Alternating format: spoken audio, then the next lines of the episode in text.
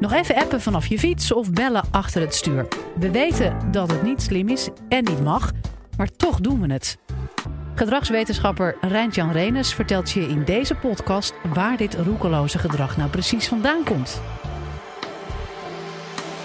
Live vanuit Club Air is dit de Universiteit van Nederland. Ik wil heel graag beginnen even met een vraag aan jullie. Ehm, wie hebben er allemaal een smartphone? Ja, volgens mij echt iedereen, als ik even om mij heen kijk. Ehm, en wie gebruikt er wel eens zijn smartphone in de auto terwijl die aan het rijden is? Achter het stuur zit. Ja, ik zie toch al wel. En wie op de fiets, wie gebruikt hem ook wel eens op de fiets? Dan hebben we meteen dat je dan toch nog even snel een berichtje checkt. Nou, ik denk dat we, als ik zo kijk, nou, bijna op uh, drie kwart van de mensen zitten. Is het misschien wel aardig als we dat dus zien, dat er zoveel mensen in het verkeer, ook een paar niet zag ik trouwens, maar zoveel in het verkeer uh, toch hun smartphone gebruiken. Misschien een aantal feitjes te laten zien. Wat we onder andere uh, weten is dat meer dan 10 miljoen Nederlanders hebben een smartphone. En van die 10 miljoen gebruikt bijna de helft wel eens zijn smartphone in het verkeer. We hebben het over 5 miljoen mensen die wel eens in het verkeer hun smartphone gebruiken. Toch even iets checken terwijl ze de auto aan het rijden zijn. Terwijl wat we weten, tweede feitje, is op het moment dat wij onze smartphone gebruiken, dus even afgeleid zijn, dat meer dan 25 keer kans op een verkeersongeval is. En er zijn zelfs studies die laten zien dat het 160 keer de kans vergroot op een verkeersongeval. Zodra we dus toch onze smartphone gebruiken. Nu is er een heel mooi uh, verschijnsel dat in 2011 in Abu Dhabi viel even het hele telefoonnet weg. Waardoor er even geen mogelijkheid was dat mensen op hun Blackberries gingen op hun smartphones. En wat gebeurde daar is dat 40% minder ongevallen in het verkeer. Dus wat we zien is dat op het moment dat wij heel verstandig zijn en heel slim zijn in het verkeer, dat we op dat moment minder, minder verkeersongevallen hebben. Dus waarom doen we het dan toch? En wat sterker nog, we doen van alles in het verkeer. Sommigen die gaan zich nog eventjes opmaken tijdens het autorijden op weg dat ze naar hun werk gaan. Anderen die gaan ze nog snel eventjes scheren terwijl ze in de, in de auto zitten. Er zijn ook mensen die nog even denken, ja, ik kan best wel met één biertje op in de auto. Is ook niet verstandig. En er zijn ook mensen die denken, ja, ik mag hier misschien maar 30, maar ik kan hier ook wel 50 rijden. Dus je ziet allemaal gedragingen in het verkeer van je afvraagt, waarom doen we dat toch? Terwijl we weten dat dat niet goed is en dat het ook evident tot meer verkeersongevallen leidt. Hoe komt dat nou? Dat is heel erg lastig. Maar wat we weten is dat er verschillende factoren zijn. Eentje ervan is dat vaak ook de norm niet helemaal helder is. We weten wel dat we deze, ik leg hem nu trouwens even weg, dat we hem niet mogen gebruiken, maar we zien het anderen ook doen. Dus denken, ja, zo erg zal het dan misschien ook niet zijn.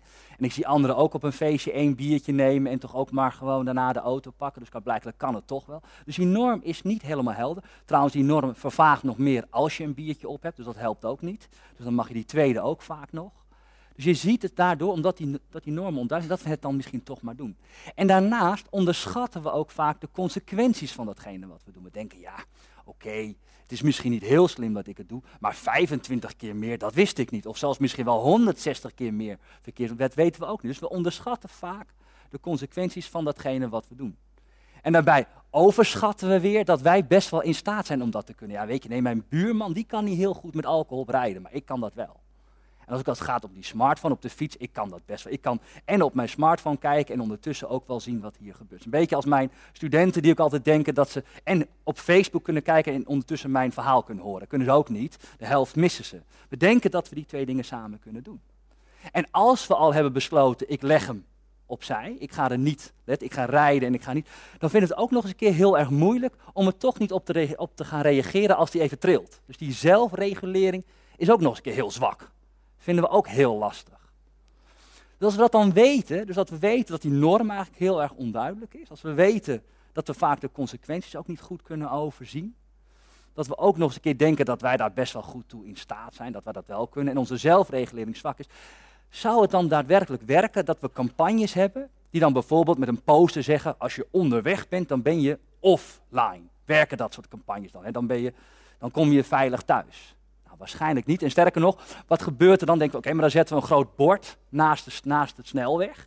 En dan laten we daarop zien dat als je een keer wilt twitteren of face, facebooken, doe dat dan op een parkeerplaats. Gaat, gaat dat dan werken? Nou, de kans is groot dat degene die het bord ziet, die let nou juist net op. En degene die op zijn smartphone ziet, die ziet die bord niet eens. Dus de kans dat dat werkt is ook heel erg klein. Dus wat werkt dan wel? Ja, daarvoor is het eigenlijk nodig dat je naar gedrag van mensen gaat kijken. Dat je echt gaat uitzoeken van wat is het nou waarom wij ons zo gedragen? Waarom doen we nou eigenlijk niet gewoon wat goed voor ons is? Nou, dat is mooi dat we. Ik kom uit Amersfoort. En bij ons in Amersfoort, naast het gemeentehuis, hebben we een heel mooi park. En het heel, dat, dat park illustreert best wel aardig hoe wij mensen zijn. Wat er namelijk gebeurt is, als ik daar aankom, dan uh, wat ze graag willen is dat ik aan moet lopen. En als ik dan naar de overkant ga, dan moet ik helemaal naar links. Of ik moet helemaal naar rechts om daar te komen. En wat de meeste mensen doen, die komen aanlopen, denk je, ja, dat kan ik doen. Maar die gaat sneller. En ik weet dat mensen weten hoe zo'n paadje heet. Olifantenpaadje. Weet ook iemand hoe het in het Engels heet? Desire lane. Heel mooi, vind ik het veel mooi, want eigenlijk is het dus het paadje van verlangen. Het is een beetje hetzelfde als dat biertje wat je eigenlijk ook wil. Of die smartphone waar je eigenlijk, dat is wat we echt verlangen, dat vinden we fijn. Maar ja, het is niet altijd het meest handige of het meest verstandige. Soms win je er ook niks mee als je het gaat afsnijden. Ook al lijkt het heel logisch. Omdat, maar tegelijkertijd, laten we heel eerlijk zijn, er zijn maar weinig mensen die als ze zo lopen dat dit prettig is. Dus het, het afsnijden is wel prettiger, net zo goed als een biertje ook lekkerder is dan geen biertje. Dus daar zit dat verlangen in. Dus het is niet altijd per se het meest rationale om, om te gaan doen, maar het is vaak wel het meest prettige om. En soms zie je ook alweer dat ze dan van alles proberen om het tegen te houden. Dat noemen wij dan alfa-strategie. Dan ga je echt met jou de strijd om te zorgen dat je datgene niet doet. Nou, dan nog weten wij vaak daar heel goed omheen te gaan. Dus dat helpt vaak ook niet. En soms is het zelfs evident duidelijk, en daar hebben we echt een heel mooi filmpje van, dat het niet verstandig is om sommige dingen te gaan, te gaan, te gaan doen. Als je daarnaar kijkt, dan denk je van ja, misschien dat je er wel wat tijdwinst mee krijgt. Maar het is ook heel duidelijk dat dit nou niet echt heel handig is.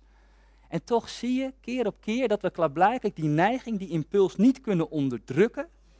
Er wordt van alles aan gedaan om te voorkomen en toch gaan wij, gaan wij door.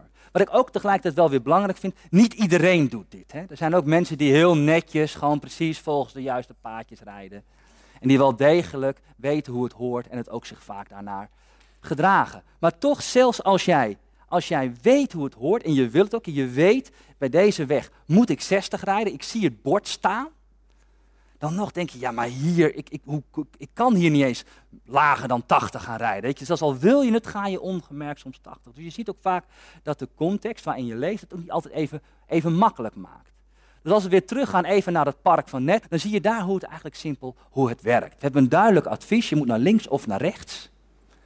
Maar je ziet ondertussen allemaal andere cues van ja, maar je kan ook gewoon, recht, gewoon rechtdoor en dat wil je zelf ook heel graag. En dat is een beetje de omgeving waarin wij te maken, waar wij mee te maken hebben en waar vaak een campagne die je simpelweg vertelt, doe dit, niet goed werkt. Dus wat zou je dan wel moeten doen? Wat helpt dan wel? Bij, als, je dus, als we dit nu eenmaal, eenmaal weten, dan wat één ding wat gewoon werkt is norm verstevigen. En gewoon voor zorgen, wat nu minister Schultz, Schultz ook voorstelt, gewoon een wet maken. Je mag niet meer appen op de fiets, je mag niet meer appen in de auto. Klinkt misschien heel erg saai, maar het zorgt er wel voor dat je met z'n allen denkt, oh ja, dat is, dat is in ieder geval een hele duidelijke regel. Dat mag niet. Dat dat werkt, is ook wel, heeft ook wel gebleken. In de jaren 70, 80 vonden wij het echt belachelijk dat de overheid ons ging vertellen dat wij een autogordel moesten dragen. Doe eens even niet zo suf, die auto is van mij, ik kan dat best wel zonder autogordel.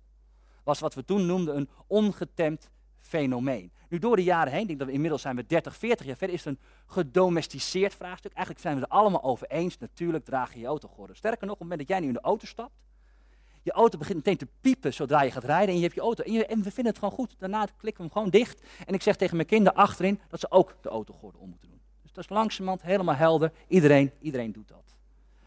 Als dat niet helemaal lukt, die normversteviging, kan je het ook gewoon extern gaan regelen. Gaan we het voor jou regelen? We zorgen er gewoon voor dat jij niet meer het ongewenst gedrag kan vertonen. Een alcoholslot bijvoorbeeld bij, bij jouw stuur. Je kan gewoon niet eens meer in de auto. Die auto die start gewoon niet als je ook maar enigszins alcohol hebt. Dat is een manier om ervoor te zorgen dat je niet meer met alcohol op in de auto zit. Kan ook wel straks misschien wel zo zijn dat op het moment dat ik met mijn smartphone in de auto stap, dat die automatisch op mute gaat.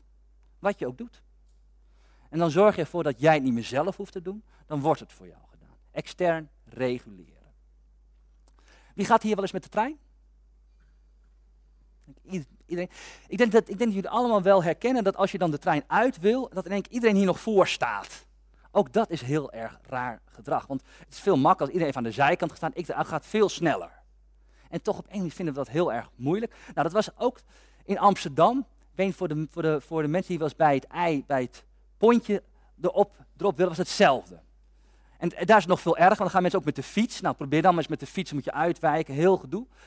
Ook daar kan je dan wel denken, dan gaan wij een bordje maken. Gaan we uitleggen dat dat niet handig is en dat je dat niet moet gaan doen.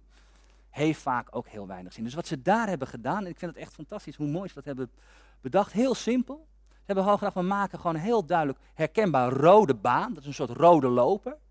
Daar moeten de mensen lopen die eruit gaan. En we maken groene strook. En daar gaan de mensen staan die even wachten. En wat er gebeurt is dat mensen dat, auto, dat, dat eigenlijk automatisch gaan doen. Dus je ontwerpt eigenlijk je omgeving met de juiste cues, waardoor het gewenste gedrag vanzelf optreedt. En mooi is dat gewoon een jaar, als je een jaar later gaat kijken daar, dat hebben we pas nog een keertje gedaan, dan zie je eigenlijk dat het, al die patronen zijn helemaal uitgesleten, maar het gewenste gedrag is helemaal ingesleten. Je denkt er niet eens meer over na. Je gaat dan vanzelf staan. Dus wat je hier ziet is dat je eigenlijk die omgeving slimmer ontwerpt, dat je vanzelf het goede gaat.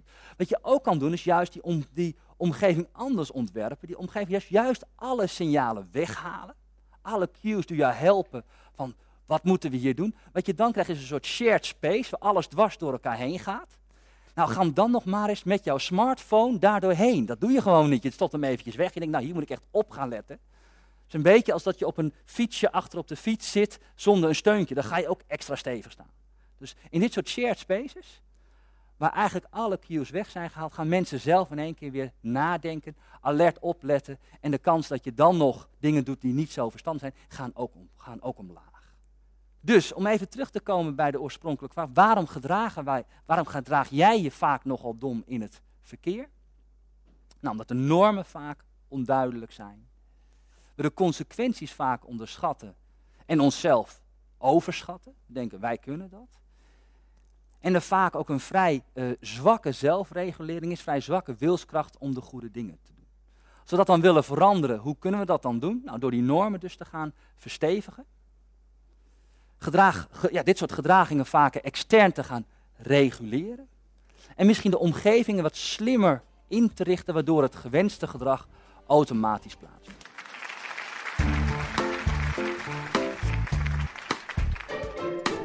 Dit was de Universiteit van Nederland.